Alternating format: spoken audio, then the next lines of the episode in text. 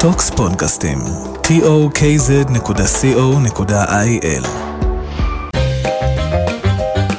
עונת החתונות, עם ידין חסון ואביב צדקיה. מה קורה, אביב? מה המצב חסן? יש לי משהו אחד להגיד לך. מה יש לך להגיד לי? טיני ניי ניי ניי, טיני ניי ניי ניי, טיני ניי ניי ניי, טיני ניי ניי ניי ניי ניי. בגן עדן מקדם. רגע, אבל זה שיר ששרים רק בחופות של דוסים, לא? אנחנו כבר חצי דוסים, אנחנו יכולים להיות הכל, אנחנו. רגע, רגע, הלכנו פה כבר, יש פה דיבורים עוד לפני שהצגנו את החיימים. אני מרגיש under qualified להציג אה, ממש. את שני הצדיקים האלה. איך איך אנחנו נעשה את זה? אולי ניתן להם? ניתן להם? אנחנו רק נגיד שאנחנו פה עם שני הרבנים, אה, רבני חתונות, הכי נחשבים בארץ. קל. קל. וואו, נסחפתם. ולשניהם לשניהם קוראים חיים, אז יהיה לנו קל. כן, יהיה לנו קל. כן. אז אנחנו עם הרב חיים זמיר וחיים אבלין, שאנחנו אה, די מעריצים. אוהבים, בוא, בוא, בוא, בוא לא נרים להם יותר מדי, אחרי זה נראה אותם בחתונות וזה, כן, קצת, כן. קצת מביך. אז זהו, אז בואו בואו נגדיר את זה ככה, אנחנו כל ערב נפגשים, ורק הפראיירים מתחלפים. מה שלומכם? אהלן אהלן, כן, כיף לראות אתכם בשעות. כאלה, בדרך כלל אנחנו נפגשים בלילות, עוד איזה שבע שעות, כן? שתיים בצהריים זה לא בדיוק. למעט שישי צהריים שכיף לפגוש אתכם, אהלן אהלן איזה כיף. כן, שישי צהריים אנחנו עכשיו בדרך לבופה. שישי צהריים, אנחנו כבר אחרי טקס? כן, שתיים, בדיוק. כן, אחד וחצי כזה, טקסים המאוחרים. כן, הם כבר בדרך הביתה. כן. כן. להספיק. לפני השבת. את- אתם צריכים לקנות בנו העבודה שלנו הכי כיפית בעולם. אצלנו, כמה שאנחנו עובדים פחות, ככה אוהבים אותנו. זה נכון. כן, אשכרה. כן. הרב, המשמע השאלה הראשונה, הרב, אל תעשה לנו חופה ארוכה. זהו, זה כאילו... רבע שעה. כולם? לא, לא רבע? שעה, שבע דקות. בוא נגזור זמנים שואלים אותי, מה הטקס? אה, פותחים לי שעון מטכ"לי. רגע, האמת. שלא התכוונתי לשאול את השאלה הזאת בכלל לפני, אבל מה על פי ה... נקרא לזה אפילו ההלכה, בכוונה, אני, אני מקצין את זה, מה הטקס הכי קצר שאפשר לעשות מבחינת זמן? לא חושב שהלכתית מדברים על זמנים, אלא לא, על תוכן. אבל אתה צריך להעביר איקס דברים שזה לוקח איקס זמן. אה, אוקיי. חיים, תענה. תלוי את מי שואלים. אה, יש רבנים שיגידו לך שש שניות הייתי פה, אבל באמת כדי להעביר את התוכן של החופה, מספר דקות לא מבוטל, כ-12 דקות. אם אתה 12 מודד דקות, נשמע לי. טוב 12 דקות. 12 דקות, יש דברים, אתה יודע. אתה שוטף ידיים ככה, זה לפעמים. לא עניין של דקות, זה הטקסט מורכב בשתי ברכות אירוסין, שבע ברכות, קידושין, לאו דווקא בסדר הזה, קריאת הכתובה בחלקה או כולה, ושבירת כוס. עכשיו, כל השאר זה רק תוספות שאנחנו המצאנו. אנחנו, הכוונה היא, אנחנו והזוגות ביחד באיזשהו מבנה מיוחד.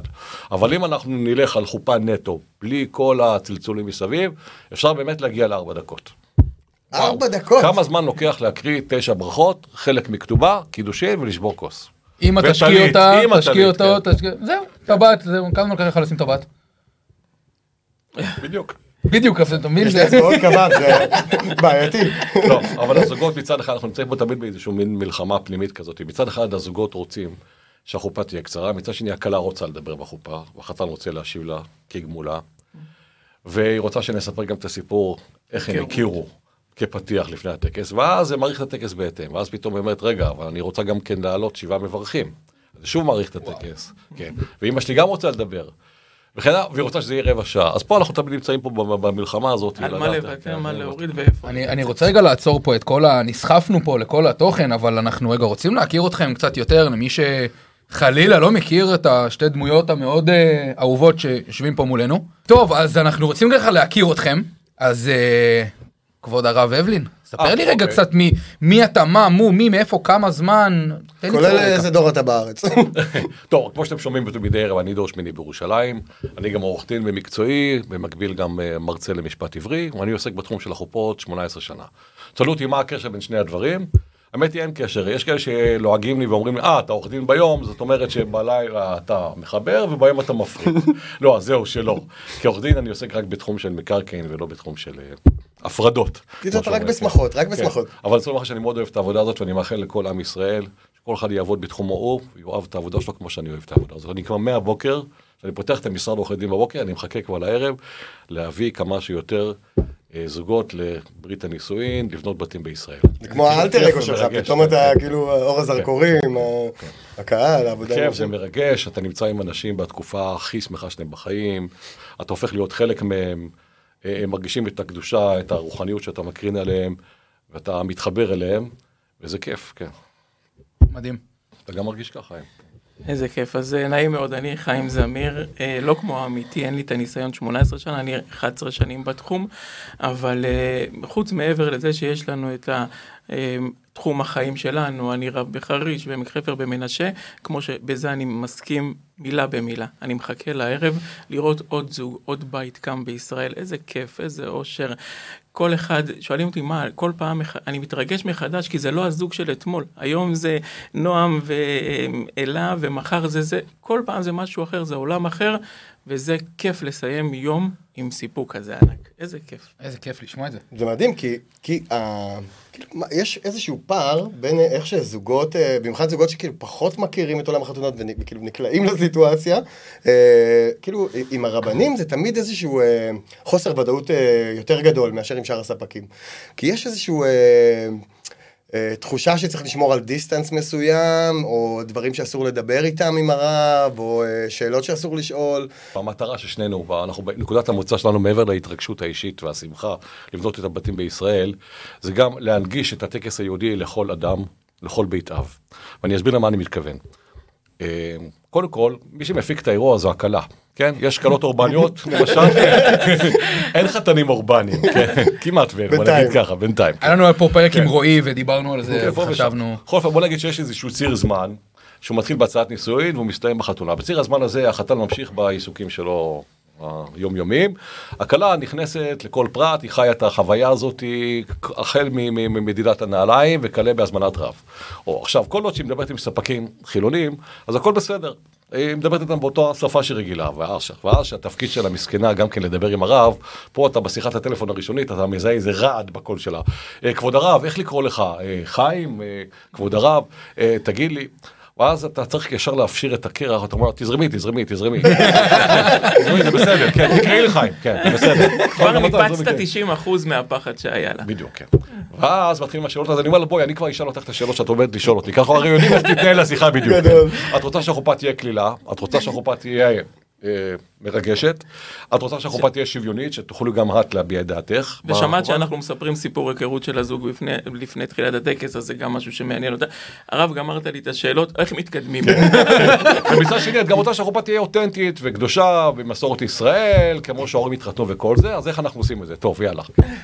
ככה זה מתחיל. אז באמת זה זורק אותי רגע, רגע שאני קוטע אותך כי אני רוצה להגיע לזה, מה התהליך של זוג שהוא מגיע לרב? כי למשל אצלנו אה, זוג שמגיע, שואל אם, אם אנחנו פנויים בתאריך, מבקש הצעת מחיר, עובר על הצעת מחיר, אה, עושים פגישה וחוזה ומתקדמים. מה, מה התהליך בעצם עם, ו- עם, ו- עם רב? סליחה? באיזה שלב, כאילו, של ההכנות? באיזה, באיזה נקודה כבר אומרים, אוקיי, צריך לסגור רב. אוקיי, אז אה, אותם שאלות כמו ששואלים אתכם, ככה שואלים אותנו. קודם כל, זמינות. כבוד הרב, האם אתה פנוי בתשיעי, לשישי וכדומה? אנחנו פותחים יומן. אגב, אנחנו נמצאים עם יומנים כאלה, אנחנו אין לנו יומנים הרבנים מתעסקים עם דברים כאלה בדרך כלל. קורה לך שאתה כאילו מגדיל ככה את ה... אז אנחנו ראשון בודקים זמינות, ופה אני רוצה לציין פה משהו חשוב, כי לצערנו, ולשמחתנו, שנגדיר את זה, ברוב המקרים אנחנו תפוסים. כי על כל תאריך פנים הרבה זוגות. אבל אנחנו יוצאים מתוך נקודת הנחה שהכלה נורא מאוכזבת, כי היא רוצה את הסגנון המסוים של אותו רב שהיא בחרה בו. אחרי כל הפידבקים שהיא שמעה בדיוק עליך ועל ה vibe. היא כבר בנתה כל- לעצמה. כן, נכון. איזה... את ה- ה- את הפנטזיה, הרב הזה יהיה אצלי בחתונה, ואני רוצה בדיוק את הסגנון הזה. ואז אנחנו מנסים לעזור לה. אז לכן אנחנו, כל הרבנים, קבוצת רבנים גדולה, הת- התאגדנו בקבוצת וואטסאפ, שהמכנה המשותף בין כל הרבנים הללו, זה שכולנו עושים חופות באותו סגנון. כן. ואז אני אומר לה, אוקיי, אני תפוס, נכון, אבל פלוני פנוי, הוא עושה את אותו דבר כמוני. כן, אבל אתה מבטיח לי? כן, תתקשרי אליו, תראי. תקראי אשכרה, אתם. מפרגנים אחד לשני גם? איזה קטע. הפרגון הוא זה- מדהים, פשוט, באמת, כיף לשמוע את זה. שולחים בין אחד לשני, ועוד יותר מזה גם אני אוסיף על אה, עמיתי היקר חיים אבלין, שבאמת גם הגיבוי שאנחנו נותנים, אפרופו קורונה, עברנו שלוש שנים כאלו, פתאום איזה רב בשנייה האחרונה לא יכל להגיע, מיד בקבוצה, מי יכול, היום זה, קיבלתי תוצאה חיובית, ככה, וטק, טק, טק, דואגים שאף זוג לא יישאר חלילה ביום המאושר בחייו, ללא מענה, ב-level שהוא בחר לעצמו. כלומר, רק ב... אין הרבה רבנים בקבוצה שלנו, אבל כל אחד שנמצא, באמת בדיוק על ה... נותן מענה למה שאותה כלה רצתה. הזוגות. אה, יודעים את זה מראש? כאילו, אתם- אתם מספרים להם את ה- את הנתון הזה? לא, אבל בשביל זה יש את הפודקאסט. ש- כי אני חושב שזה משהו מאוד מרגיע. כאילו שאתה יודע שהאנשים ש... ש... הרב הוא בן אדם יחיד. אתה מבין? כאילו הוא... אם עכשיו אתה לוקח אותו, כזה, מה קורה? כן, עכשיו זה גם צלם, לא, אה, לא כאילו עכשיו נפל לך אה, הוורדים בעיצוב. נכון, רב זה כאילו ה... כן, מה, מה קורה? הכל, הכל, הכל נבנה סביב הטקס. כן, אז אני אומר, יכול להיות שזה דווקא זה משהו מאוד מרגיע, כאילו אם אני עכשיו זוג, ואני אומר, אוקיי, לא משנה מה קורה, אני יודע שהטקס בקונסטלציה הזאת שאני מאוד מפנטז עליה, זה יהיה לי. כן, הוא מגובה, הזוג מגובה. מגובה. זה מדהים. אני שמח שאתם השופר שאנחנו יכולים להשמיע את ההרגעה הזאת לזוגות. באמת זה ככה. אני חקרתי קצת אה, שאלות ש... של אה, כאילו כלות וזוגות שכאילו כל מיני פערים ב- במידע שיש, ואחד הדברים זה איך, איך ניג- ניגשים לרב, כאילו האם זה דרך הרבנות שממליצה וכאלה, פעם זה היה בילדין עם הרישום ברבנות. הזוגות היו, אפרופו מה שאלה של ידין, מה מתחיל לפני מה, הזוגות היו מגיעים קודם כל לרבנות להירשם לנישואים. ואז הרבנות הייתה מצוותת להם את אחד הרבנים שברשימת הרבני שכונות או מקומות שלהם, וככה לא הייתה כל כך אה, בחירה, לא הייתה אופציה ל...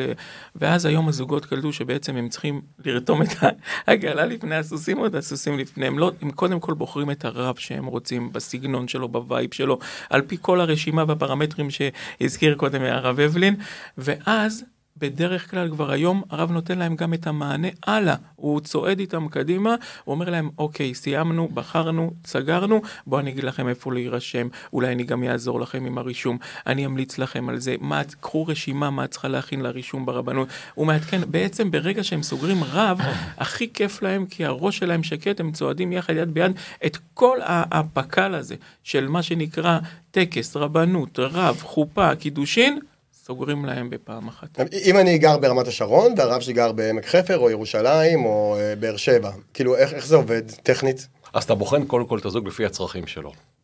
בהתאם לזה. קודם כל הקרבה הגיאוגרפית, לאותו רבנות שיותר נוח לו להגיע. למשל, אני לא מחויב לסגור ב... כן, היום החוק החדש, בעשר שנים האחרונות, החוק אומר, חוק פתיחת, פתיחת אזורי רישום נישואין, שקוראים לזה חוק צוהר, מדבר על כך שזוג מטבריה אה, יכול להירשם גם באילת ולהפך. כל זוג יכול לבחור לעצמו את הרבנות שבה נוח לו. ולכן לאו דווקא בעיר מגוריו, אם למשל מקום עבודתו בתל אביב ונוח לו להירשם בתל אביב, אז הוא יעשה את זה שם, ולהפך. עכשיו מעבר לזה, יש גם כן אה, זוגות שנתקלים בכל מיני בעיות של רישום, למשל קשה להם למצוא תעודות נישואין. אתה מפנה אותם לרבנות שתעזור להם לסייע בזה. או יש אה, זוגות שיש להם בעיה של בירור יהדות, אז אתה מפנה אותם לארגונים מסוימים שיעזרו להם ב... יש ארגונים. שעוזרים יש, לעולים יש חדשים ארגונים וכאלה? מקסימים, וזה הרעיון בעצם מה שהרב אבלין אומר, שאנחנו יודעים לנתב את הזוג בדיוק לפי הצורך שלו, שאת זה הם לא יצליחו, כי זה באמת המון ניסיון והמון ידע, אנחנו מכירים את רוב הרבנויות בארץ, את רוב הפלוסים שיש בכל מקום לפי הנתונים של הזוג עצמו, וזה מדהים בעיניי, כי אז הם מקבלים את הכל על השולחן. גם זה נלך אפילו למקרים קיצוניים, יש זוג שבא ואומר לך, אני מתחתן כדת משה וישראל רק בגלל שההורים שלי הכריחו אותי, אני לא רוצה להתחבר לרבנות, כף רגלי לא תדרוך על מפתן הרבנות. לא מוכן להכיר במוסד הבירוקרטי הזה, לא מוכן להכיר, לא רוצה להירשם שם. גם לזה יש מענה. אפשר, אם אתה לא מגיע לרב, אז הרב מגיע אליך, במקרים מסוימים. אז אה, ההנגשה של הרבנות יכול להיות באמצעים אלקטרוניים, במייל, בוואטסאפ, תהליך הרישום. אה, הדרכה בזום. הדרכה בזום, הדרכת זוגות בזום וכן הלאה. אפשר לעשות תדע- אונליין? רישום אה, נישואין? לא בכל מקרה, אבל אה, זה ניתן. כן. זה אפשרי ניתן. בתקופת הקורונה זה היה מקובל לגמרי, וואו. היום פחות, כן. תחשוב שעכשיו הכל סגור, ואתה צריך להתחתן, מה אתה עושה? מתקשה בזה. אז הנה, אז לפי מה שנשמע פה שאתם אומרים בעצם, כמעט לכל בעיה, נגיד את זה ככה, יש לזה פתרון, כל חשש שזוג מגיע איתו, הוא בעצם פונה אליכם שבתור הרבנים שלו, ויש פתרון לכמעט כל דבר, לכל חשש, כי אני מאמין שזוגות, כלות, מגיעות אליכם עם המון חששות מוקדמים, כי הם שמעו, ראו, ידעו, הרבה, הרבה פעמים אנחנו שומעים חצאי דברים, שאנחנו ישר מנפחים את זה. אז זה נשמע כאילו יש לכל דבר פתרון שמאוד מאוד יכול להרגיע. כן, ניתן דוגמה נוספת. יש אה, רבנויות שההדרכת אה, כלות דווקא בשעות הבוקר. והכלות לא רוצות להפסיד יום עבודה. אז אתה יכול להפנות אותם תמיד לרבנות ששם הם יכולים לבחור את הכלה בשעות שלהם ולבוא אליה הביתה בשעות הערב, למשל. אז אתה מפנה אותם לרבנות X, למי שזה מפריע לו. וכן הלאה וכן הלאה, כן. מה לגבי רבנות מול צוהר? אם אני אומר, לה, כאילו, שמעתי מחברים, תעשה רק בצוהר. צוהר אה, זה רבנות עדיין. זהו, אני, אני, אני לא סגור על זה, כאילו, אני, איך זה, זה- צוהר זה רבנות? אני יכול כאילו להירשם בצוהר ולקחת אתכם כרבנים? חד משמעי. כן? כן, צוהר, קודם כל, אנשים טועים צוהר. אנשים חושבים שצוהר זה איזשהו ארגון אלטרנטיבי לרבנות. צוהר זה חלק מהרבנות. מאחורי ארגון צוהר יש רשמי נישואין של הרבנות. אם זה רבנות אה, שוהם, נדמה לי, או כן, רבנות לוד, גוש עציון. תל אביב. כן. לוד, כן, אנחנו היינו בלוד. אז, אז מה, מה מייחד אותם? טוב, אנחנו לא כל כך מדברים בשם צוהר, צוהר יכולה אה, אוקיי. לדבר את עצמה, אבל אה, כן. אני חושב שבציבור הרחב הם מוכרים כמונגשים יותר ביחס אוקיי. לרבנות, למרות שיש מספיק רבניות שהן אה, אדיבות ומאירות פנים וסובלניות כלפי הזוגות ושירותיות. כן, אני, אני חייב לציין שאני. נרשמתי בהרצליה, והיה לי תהליך סבבה. כיף לשמוע, ותדע שיש עוד המון רבנויות כאלה, במיוחד היום, הם מבינים את הזוגות, הזוגות של הדור ה-Y, זה לא חבר'ה של זה, זה ההורים שלנו, שמה שתגיד להם, הם רוצים את הכל פרקטי, נגיש, קליל, אה, לא, ובאמת הרבה הרבה רבנויות השכילו להבין שאם הם רוצים להמשיך לרשום זוגות, הרי כמו שאמרנו, פתיחת אזורי הרישום פתח את התחרות, אז אם הם רוצים עדיין, הם חייבים באמת להתאים את עצמם בנגישות, בזמנים, בקבלת קהל, בהדרכת קהל, בהכל, לזוגות אה, שבאים אליהם. ובאמת זה עובד פיקס. אוקיי. על פי ההלכה, אה, אני התחתנתי בגן, הרב הגיע, קידש אותנו, החלפנו טבעות, שברתי את הכוס. אני, אני נשוי? אה, הכל נכון, חוץ מההגדרה החלפנו טבעות, זה לא בדיוק החלפנו טבעות. הענקת טבעת, אתה הענקת טבעת. אתה קידשת אותה לאישה, והיא העניקה לך מתנה. מתנה ששווה אה, פרוטה. לא, פעם, המשיכה. אבל- הפוך, גוטה, הפוך. אתה צריך סליחה, סליחה, להעניק, סליחה. לא, אבל... אתה. אגב, אה, אני, אני הבנתי שאפשר לקדש גם בטוסטר, כל עוד הוא שווה, נכון? שווה כסף הרי הוא ככסף. כסף, כן. נכון. בוא בוא נסביר, כן. הטוסט צריך להיות עגול? שווה פרוטה.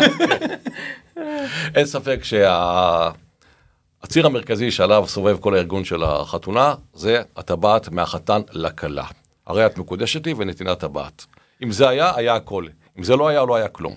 עכשיו, כמו שאין ספק שהטבעת שהכלה נותנת לחתן, זו איזושהי המצאה תל אביבית בקטע שוויוני, שהיא התרחבה יותר ויותר בציבור הכללי. פעם זה היה נועד רק לאיזשהו קבוצה מסוימת, וחלק גדול מהרבנים מאפשר את זה, בסייגים מסוימים שזה גם יעמוד בקנה מידה הלכתי וגם יעמוד ב...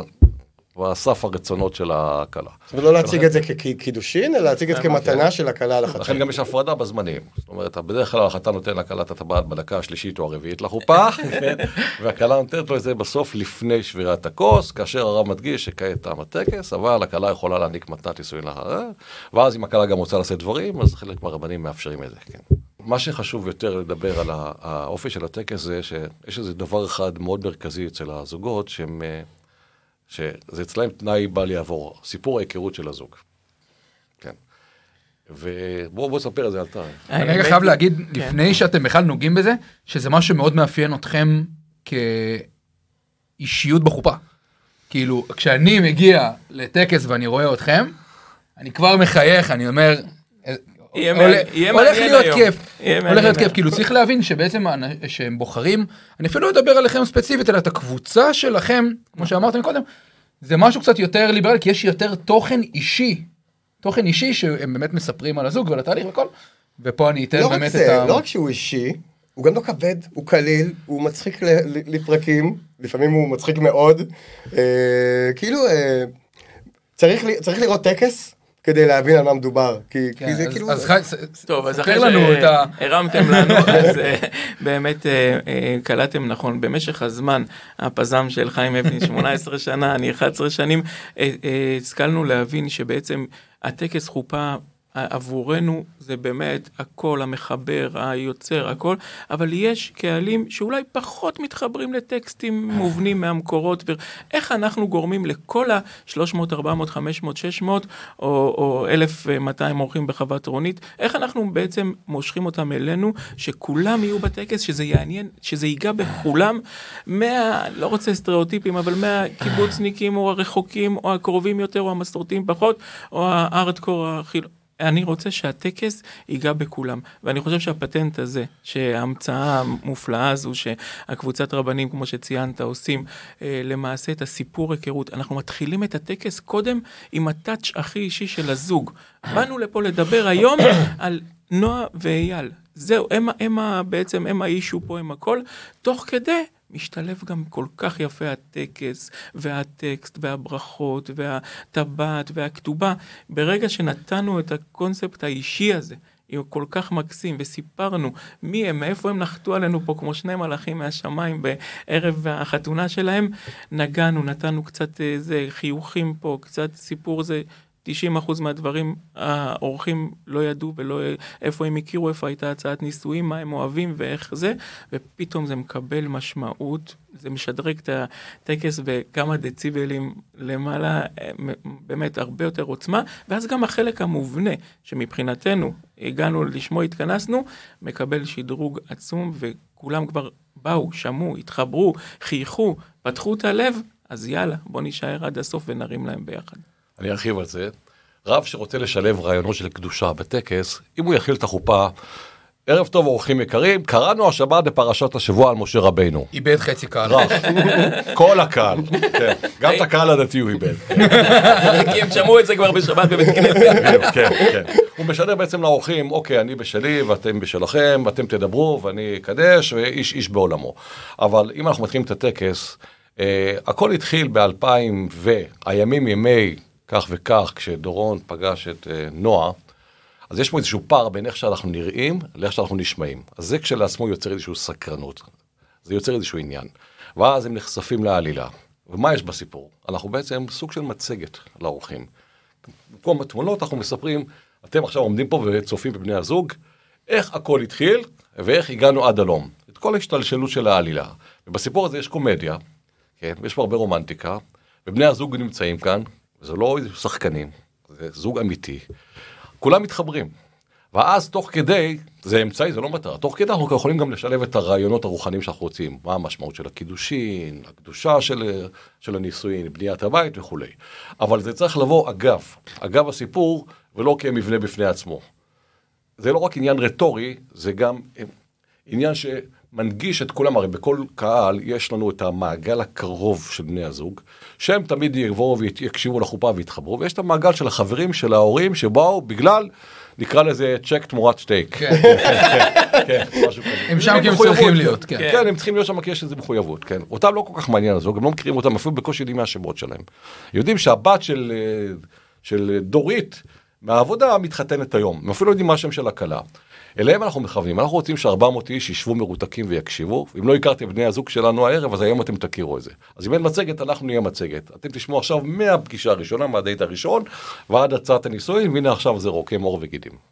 מדהים, וזה באמת, זה מתחבר להתחלה שלנו פה, בתחילת הפרק שבאמת דיברנו על החיבור, על החיבור הזה שבעצם מצליחים לחבר ולהביא את כל המנעד הזה של לאו דווקא הדתיים, או לאו דווקא המסורתיים, ולאו דווקא החובשי כיפה סרוגה, זה לא, זה כולם יכולים להיות שם, ולהתחבר דרך התוכן האישי, כי זה מגיע מהאישי לדתי, ולא מהדתי לאישי. נכון, כאילו. וזה זה תמיד מגניב לראות את זה, כבר אנחנו מכירים כאילו את הטקסים, איזה סגנון של כל רב וכאלה, אז אנחנו כאילו לראות את הרגע שבו נופל האסימון לקהל, כן. כאילו ש... אה, אוקיי, הוא משלנו. הוא לא עכשיו להכביד עלינו. כמה מחיצות נשברות באותו זמן, אביב. וואו. כמה, איזה כיף, איזה שבירת קרח יש. פתאום אה, החומות נופלים. חבל שאי אפשר לקחת את הפיילוט הזה ככלל, כעם, כמדינה, אבל זה פודקאסט אחר. אבל באמת, איזה כיף זה יוצר. פתאום אחר כך, אחרי החופה, יודע יקירי טוב מאוד כל ערב, גם הוא מרגיש את זה, וכולנו מגיעים אליך, אומרים, וואו, כל כך הייתי בזה, איזה כיף, איך ניגשת, איזה, מאיפה אתה, מה, מה, באמת, זה יוצר פתאום משהו שאתה אומר, שווה לקחת את זה גם כפיילוט לאומי, אם כבר, אבל... אבל רואים גם שאתם נהנים מהקטע הזה, כאילו אתם, אה, יש איזה, את- המתיחות של תחילת הטקס, לפני שהרב עוד פותח את הפה, ואז ברגע שכאילו נתתם את הפאנץ' הראשון, אני רואה גם עליכם שאתם כאילו אוקיי, שומעים את הקרח נשבר. שומעים את הקרח זה. נשבר ברגע הזה. אחרי החופה הם באים אליך ואומרים לך, כבוד הרב, אתה לא מאלה. ואני אומר להם, אני כן מאלה, אבל האלה הם לא כאלה אלה. בסדר. חזק. הקומפלימנט הכי אה, מקסים בעיניי, כשבא אליי זוג אחרי חופה או אורח ואומר לי, שמע, אתה עושה את זה הרבה יותר יפה מאשר רב רפורמי. אז אני לוקח את זה כקומפלימנט, כן. כי מה שמובנה אצלם בראש זה שאנחנו צריכים לשעמם את האורחים, והרב הרפורמי צריך לעניין את האורחים. כאילו זה לא יכול להיות גם וגם. אז אנחנו מביאים להם מוצר שמתחבר בשני, בשני, בשני מצבים. א', זה יהיה אותנטי, מסורתי, כדת משה וישראל. כל הקדושה שבו לפי ההלכה, כמו שאבא שלך התחתן, אבותיך ואבות אבותיך. מצד שני, זה יהיה שוויוני, קליל, מרגש ונגיש. אמן. מעולה. איזה כיף. אמרת אמן, אבל אתה בלי כיפה. אמרתי אמן? אמרתי איזה כיף. לפני, איזה כיף שאמרתי אמן, לא? יש לו את כיפת השמיים. כן. אה, או. במקרה הזה. לא, הוא גם רגיל כל ערב אחרי שאנחנו אומרים איזה שני משפטים, הוא אומר אמן. תגיד, אם כבר מדברים על כיפה, סליחה שאני חורג מהנושא לחלוטין, אבל כאילו, אה, על פי ההלכה, אין אין דיבור על כיפה, זה- כאילו... אה, בגלל שמברכים ואומרים את שם של אלוהים, אז צריך, ל... לכן החתן שם את הכיפה, בעצם הוא מברך שהחיינו על הטלית, ברוך אתה אדוני, אז הוא אומר את שם השם, אז הוא, שם- הוא חובש כיפה רק על זה, הוא לא הופך להיות דוסי אחר כך, אל תדאג, אני לוקח ממנו בחזרה את כאילו, הכיפה. בלי קשר לחתונות בכלל, אה, אה, כאילו, אה, המהות של כיפה, הוא יותר, זה התחיל כסממן בכלל, להבדיל בין יהודים, נכון? נכון. אין איזה משמעות... אה, יש מקור הלכתי במסרת קידושין שהכיפה היו נוהגים אז לחבוש אנשים נשואים. דווקא, רווקים פחות. וואלה, כן, כמו כן. כיסוי אה, ראש. כן, כן. כמו כיסוי ראש, כן. אבל וואלה. עם השנים, כיפה זה דבר שמכבד, זה דבר שמייצג. אה, כשאתה נכנס לבית כנסת, אתה לובש כיפה, אתה נכנס ל... גם יש כיפות כיפה. מסו- כאילו... גם, כן, אחר כך כבר משם זה התפתח לסוגי כיפות. אבל חופה, צריך להבין שחופה זה מקום קדוש. כן? חופה, הרי חתן, ביום חופתו דומה לכהן גדול. מעמד החופה זה קודש הקודשים, ויום החופה זה כאילו יום הכיפורים. אז אדם נמצא פה ככהן גדול בקודש הקודשים ביום הכיפורים. הוא חובש כיפה, כהן הגדול חובש מצטפת, אז גם קט... חתן מכובד, זה מתבקש שהוא ילבש כיפה. עכשיו, יש, פה ושם אנחנו נתקלים בחתנים שהם, אה, אצלם הכיפה הזה מסמל איזשהו... אה, סרבני כיפות? כן, סרבני כן. כיפות, אז אנחנו פותרים גם בזה, יש לזה פש- פתרונות. אז אפרופו- הוא חובש איזשהו מקבט, או כובע כובע. יפה כמו של. כן, כן, בדיוק, אה, כן, כן. גם לכל דבר, אפרופו מה שידין אמר, ברגע שהמטרה שלנו היא לשלב את הקהל ולהראות להם שבאמת זה לא כזה מפחיד כמו שזה נשמע, זה מתחיל עוד קודם עם הזוג, כדי להראות לזוג שגם חתונה ברבנות עם רבנים אורתודוקסים. והכל זה לא כזה מפחיד אז לכן לכל בעיה מוצאים פתרון ואני יכול להגיד לך 11 שנים אצלי 18 שנה אצל הרב אבלין לא חזרה כלה שלא היה לה משהו אחד שלא פתרנו הכל אני לא אפתח לא עכשיו חזק את על ה- ה... שלום, אני רוצה להחזיר בבקשה. לא, כלומר לא, לא אין אפילו לא לפני אני אקשה עליך, לא אני. אקשה עליך. בשמחה. אה, אני, כאילו, מהתחקיר שעשינו, אחת הסיבות שזוגות לפעמים מתלבטים לעשות רבנות לא רבנות, זה נגיד מקווה. אוקיי? אני לא רוצה שהבלנית תסתכל עליי בחדר הסגור הזה, וזה מביך אותי מאוד, וכאלה וכאלה. שאלה סופר חשובה, חוזרת על עצמה המון פעמים. אז גם בזה אני יכול להתחיל מהסוף. כל כלה שבאה עם הפחד הבאמת הגיוני הזה, ממשהו שהיא לא מכירה ובעיקר שמעה והמון המון, ואז אתה יושב ומפרק את זה דבר דבר, מה הבעיה שלך? וזה המון בעיות, פתאום גיליתי שלא זו כזו, זאת היא מפחדת ממיקווה בגלל שזה לא סטרילי.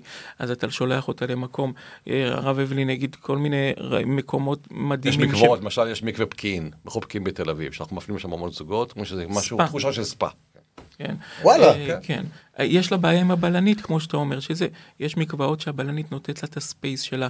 קחי בבקשה חלוק מגבת, תכנסי, תחזרי, תגידי לי שכל דבר ודבר, וגם לבעיות הכי קשות עם מקווה, בסוף נמצא פתרון. יש חששות נוספים, כמו כלה רוצה לטבול לא לילה לפני החתונה, לשתיים, שלוש לילות לפני החתונה.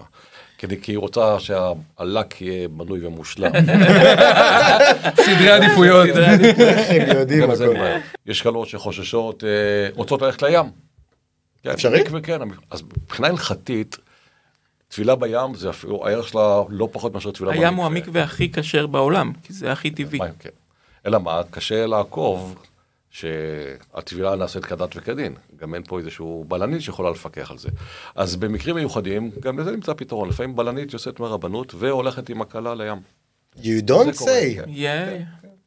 מדהים. ממש ככה. זה, זה כיף לשמוע שאתה יודע, מי- אני, מבחינתי הרבנות זה, זה משהו מאוד מקובע. סגור, מקובע, שזה החוקים. לא טוב לך? יום טוב לך. זו הסטיגמה. זו הסטיגמה. בדיוק, ו- ופתאום אתה שומע שיש, באמת, לכל דבר קטן כגדול, יש לו פתרון. וכמו שאמרנו, זה- זה לא, זה לא כזה מפחיד. אני התחתנתי ברבנות. אני התחתנתי, כאילו, אנחנו עשינו אמנם צוהר והכל, אבל כמו שאמרתי לך, אני ידעתי שזה ברבנות. וגם לא זכור לי איזשהו תהליך קשה, מפחיד, או... זה בכלל לא טראומטי, כמו שזה נשמע או מרגיש. ממש. נקודת אה, המפתח שלנו זה לזוג, אתם באתם להתחתן כדת משה וישראל, שאפו ענק. כל השאר עלינו. תגידו מה, מה מפריע, תשתפו, תפתחו.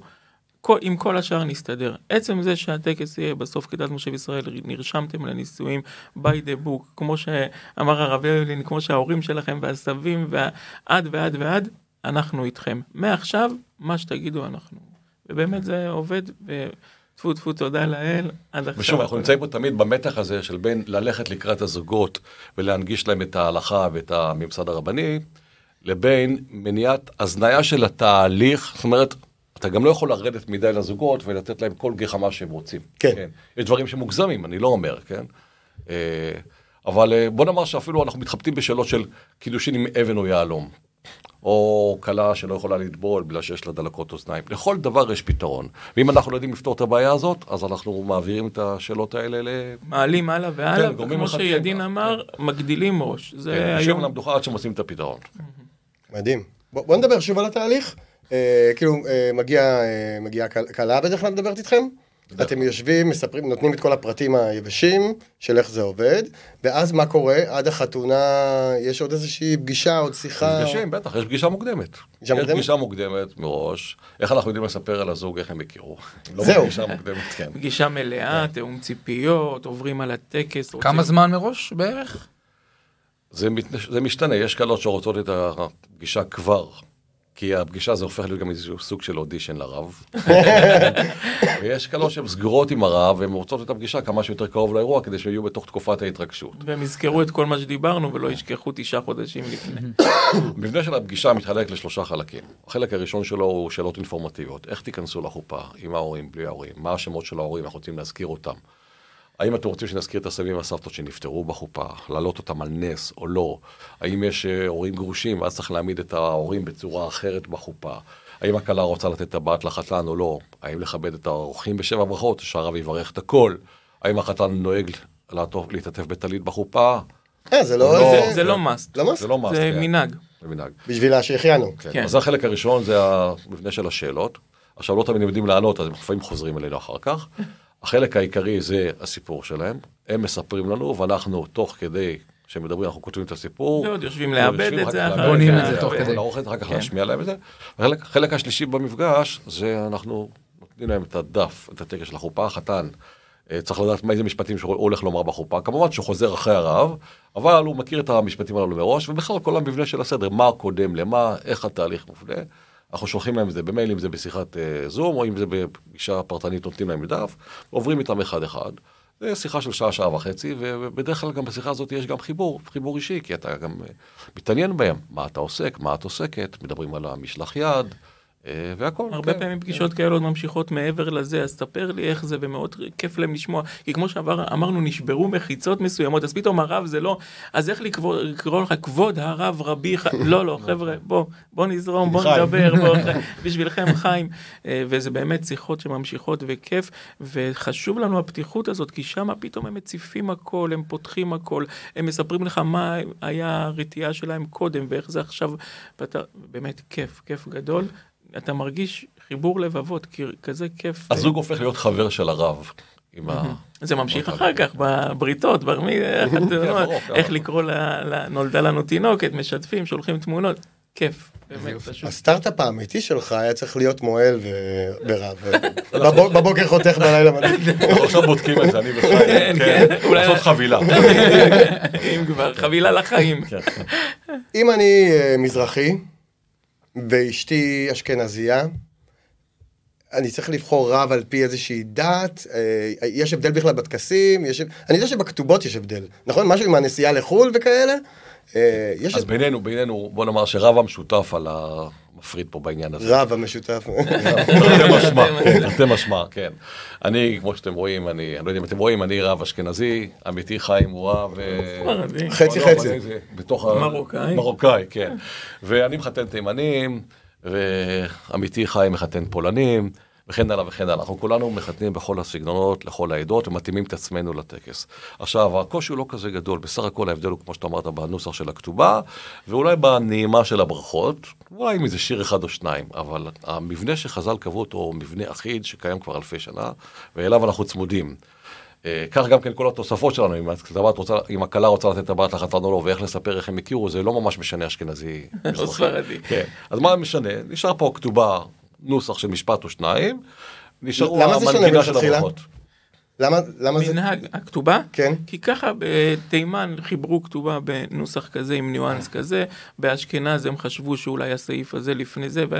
אבל זה פחות, ה vibe של החופה היום בינינו הוא vibe ישראלי, הוא vibe עם צברי מדבר לכולם, פחות ניואנס, אנחנו לא הולכים קיצוני לפה, לא קיצוני לשם, נותנים את המשהו שיגע בכולם, כי גם אם הכלה אשכנז, ספרדיה והחתן אשכנזי, אבל האורחים, לא בדקת את האחוזים בהם, אז אנחנו מכוונים לרוב, שזה יהיה באמת ב vibe הנכון. כשאחותי התחתנה, אה, הרב חיים אבלין צריך אה, כבר להכיר את זה, אני אוהב להקריא את הברכה השביעית.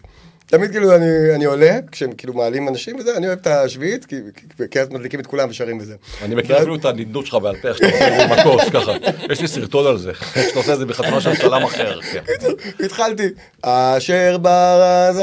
ואז נגמרה החופה, ומגיע שכן של ההורים שלי, הוא אומר לי, שמע, אתה שרת את הגרסה האשכנזית? כל הכבוד, מאיפה אתה מכיר את זה בכלל? קודם כל, אני סייר חתונות, דבר שני, אני כאילו לא... אין לי מושג איזה גרסה עשיתי. כן. עשיתי פרי סטייל. והוא כאילו עף על זה, זה היה מצחיק. אה, אז כאילו, הניואנסים הקטנים זה רק בשביל ממש... אין משמעות. לעבר. שום משמעות. בכלל, כל כן. הנושא הזה של האשכנזי-מזרחי הוא כבר יותר ויותר קיים בכנסת ופחות בציבור הרחב. אשכרה. כן, כן, כשחתן מתקשר אליך, אומר לך, תשמע, אני רוצה להתחתן בימי ספירת העומר, בימים הללו, שמותר לאשכנזים ולא לספרדים, אז מותר לי או אסור לי? אז אני שואל אותו, מה אתה, אתה אשכנזי או ספרדי? וואלה, אני לא יודע. אומר לו, רגע, מה אבא שלך אומר? אבא שלי פולני, ואימא שלי תימניה. רגע, ואבא שלך פולני מלא? על מלא? או... לא, אימא שלו הייתה עיראקית. אתה, אתה פתאום רואה שיש פה איזה שתיים שלוש דורות שהתערבבו אחד עם השנייה והוא בעצמו לא יודע לזהות עצמו לאן הוא שייך בכלל מבחינה הלכתית, אשכנזי או ספרדי. אגב, הלכתית זה הולך למשפחותם לבית אבותם. הולכים לפי החתן והולכים לפי האבא של החתן, סבא של החתן וכן הלאה. הם אפילו לא יודעים את זה. אבל בכל אופן, אז בא הבחורצ'יק, וזו השאלה הכי תמימה והכי יפה. אני, הוא שואל אותך, כרב, אני אשכנזי או ספרדי, והנפקות הזה, האם אני יכול להתחתן בבין המצרים בימים הללו, בימים הללו. כך שכל המושג הזה, אשכנזי ספרדי, הוא כבר יותר שייך היום למחוזות אה, של פוליטיקה, ויותר שימוש ציני בעניין הזה. אנחנו פחות רואים את זה בחתונות. פחות רואים את הסממנים הללו, והכל כבר, כמו שאמר עמיתי, חופה ישראלית, צברית, נגישה. מדהים. כיף. אני רוצה, הייתי רוצה לבקש מכם, תנו לי טיפ זהב מבחינתכם לזוגות. עכשיו זה יכול להיות אה, טיפ מעולם שאתם מתייחסים לזה שקשור לחופה, או כל דבר שקשור לזוג שהייתם רוצים להגיד לזוגות שלכם, לזוגות שלנו שהם צופים ומאזינים, לפני. וואלה, התקלת אותנו. התקלת. אותנו. טוב מאוד. כן. אני- יכול לשאול איזה משהו כן. קטן, לא, לא? לא. בוא נדבר שנייה מלוכלך. כי אני ראיתי הרבה שאלה שחוזרת על עצמה, כאילו בהרבה פורומים של כלות וכאלה, כמה לשים לרב? כמה לשים לרב? אז כאילו יש איזה, כאילו גם לא נעים לשאול, את ה- אתה לוקח כסף, כאילו, יש איזשהו אה, חוסר ידע מאוד... אה, זה חוסר, נראה לי, זה לא חוסר ידע כמו, אנחנו מצד אחד, כמה שמים? כאילו, אנחנו לא, זה חוסר, זה חוסר ידע כי לא מדברים על זה. כן, כאילו מישהו, אה, כלה אחת כתבה 2,000 שקל, השנייה אמרה מוגזמת, זה 1,000 שקל, ואז מישהו אומר 1,500 שקל, כאילו, אלפיים שקל? הלוואי. אני אני שילמתי לרב שלי 2,000 שקל. מה אתה אומר? יצאת פראייר. באמת? כן. היית יכול להתחתן פעמיים במחיר הזה. אה, אוקיי, אוקיי, נתת לי כיוון. נתת לי כיוון. לא, בוא- נדבר פה גם על כסף השאלה המלוכלכת שהזכרת. כן. אז ככה, קודם כל נדגיש, רוב הרבנים, בעיקר הרבנים הפרטיים, כמונו, אה, לא מקבלים שום משכורת משום אה, גורם עבור החופה. כן, אנחנו אנשים פרטיים, שאנחנו כמו ספקים, אנחנו כמו די-ג'יי, כמו צלם, שאנחנו מוצאים קבלות, חשבוניות, כל אחד עם הסידור שלו מול הרואה חשבון שלו, ואנחנו ספקים בעניין הזה, והמדינה לא משתתפת ומסבסדת לנו איזשהו גם אם גם אם. הרבנות המליצה עליך? אלא, אלא אם הזוג פנה לרבנות מסוימת ומתחתן דרך אותה רבנות מסוימת, והחתונה נעשית בשטח של אותו רבנות. אותו רבנות. וואלה. כן. רוב הרבנים אה, נעים ונדים בכל מקום בארץ, אני עושה קילומטראז' 50 אלף קילומטר בשנה. אה, אמיתי פחות או יותר, גם הוא קצת התחיל להתפנק לאחרונה, הוא עושה קצת- פחות. אני אני על 70 אלף השנה. הוא קנה מכונית חשמלית רק בגלל הקילומטראז'. ברור, כולל כן, צודק, סיורים צודק, וכאלה. כן. עכשיו, המחיר בעצם לא נבנה על ידינו, נבנה על ידי הזוגות. הזוגות התחילו לתמחר את זה בינם לבין עצמם, ונתנו פה אפילו באמת איזו הערכה יפה שמצד אחד הרב אה, יבוא על שכרו בצורה מכובדת. מצד שני, ולא לקפח אותו, מצד שני גם כן שזה לא יהיה מופרז. פחות או יותר הזוגות, שאני ממפה את זה במהלך השנים, אז בוא נגיד שאם לפני כמה שנים הממוצע היה עמד על 800 שקל, ועד לפני שנה, שנתיים זה עמד על 1,000 שקל, אז היום בעקבות עליית המחירים אני פחות או יותר מזהה שהזוגות נותנים 1,200. עכשיו פה חלק מהרבנים מתמחרים מראש, וחלק מהרבנים סומכים על שיקול דעתם של הזוגות. אם כן, אני רוצה לומר לך, בין אלה ובין אלה מרוויחים את אותו דבר, כי בסופו של יום, פחות או יותר הזוגות מכוונים לאותם מספרים שנעים סביב ה-1,200 שקל, פחות או יותר בהערכה, שזה סכום שמשקף גם את הנסיעות, את הטרחה, את הפגישה המוקדמת, ו... את הליווי, את כל את מה שמבחינתם. הערכה של הרב, כן, וזה זה- באמת בהחלט פחות או אה. יפה מאוד מצידם, מצד הזוגות שגם יודעים עכשיו, מה. שחשוב לומר פה, שזוגות רוצים לתת לרב. הם אוהבים לתת לרב. חד משמעית. כן, כן. כן. גם, בדרך כלל גם כן, אין כמעט ואין ויכוחים. לא כמעט, בכלל אין ויכוחים פה על הסכום הזה. זה משהו מכובד, זה משהו שמתנהל בצורה מאוד מכובדת. אה, הם נותנים את זה בחפץ לב, הם רוצים לתת את זה, והרבה פעמים גם כשרב כן נוקט איזשהו סכום מסוים, אז הם מוסיפים לו מעל ומעבר. שאפו, כן. מ- מתי- מתי- נותנים כסף לרב? אחרי חופה? זה גם אחד מהדברים, כן. בגלל שאנחנו לא קובעים ולא מתמחרים, אז אין מקדמות ודברים כאלה. סיימנו את החופה, בדרך כלל המעטפה מחכה, אומר... מה, אם חוט- אם חוטפים את הזוג ישר ל... אז תחכה עוד 20 דקות אחרי הסשן הרוויח ריקודים. מנה ראשונה, מה קרה? מה? לא, אז יביאו לך במשך הערב בביט. כן, לא. הכי יפה שגם המעטפה מחכה עם כמה מילות ברכה או בעל פה כשנותנים לך אותה, או איזה מכתב קטן בפנים. זה מחמם את הלב, זה כיף, זה נותן לך להרגיש שהעריכו מה שעשית, כי באמת עשית מכל הלב. זהו, אז כאילו, כדי להביע את ההערכה אה, ל- לרב, כאילו, אה, לכ- לכתוב איזשהו מכתב זה כאילו... איזה כיף. כן, תמיד, כן, ברוב תמיד, המקרים זה קורה. כן, כן, כן. לא, אפילו לבבות, כן. כל דבר טוב. טוב, יצא לכם לחשוב על הטיפ זהב שלנו? או-אה. אביב נתן לכם פה זמן, אה, זמן אחרי זה, כאילו, זה- זה הייתה ההצלה פה. אני יכול להגיד לכל זוג, אתם באים, זה היום הכי מאושר בחייכם, בעזרת השם זה יהיה פעם ראשונה ופעם אחרונה שתעשו את זה, אז תלכו על מה שהכי מתחבר לכם. כמו שאתם לוקחים את הצלמים הכי טובים בתחום, אתה יודע למי אני מתכוון, כמו שאתם לוקחים את הדי-ג'יי שהכי אהבתם, כמו שאתם יודעים, גם את הרב. אם לא התחברתם פעם ראשונה בפגישה, תבחרו עוד רב, תיפגשו, תראו, תראו שבאמת יש את הוואי ביניכם, אל תתעצלו לבדוק. כי באמת זה משהו שחשוב היום, לא פחות משאר הספקים. נכון שהוא בא לרבע שעה, אבל הרבע שעה הזאת מאוד משמעותית, לא רק לזה, לכל הקשר בכל הזמן הזה של. עד החתונה ואחרי. אז אני יושב פה על דברי חברי חיים, טיפ טכני.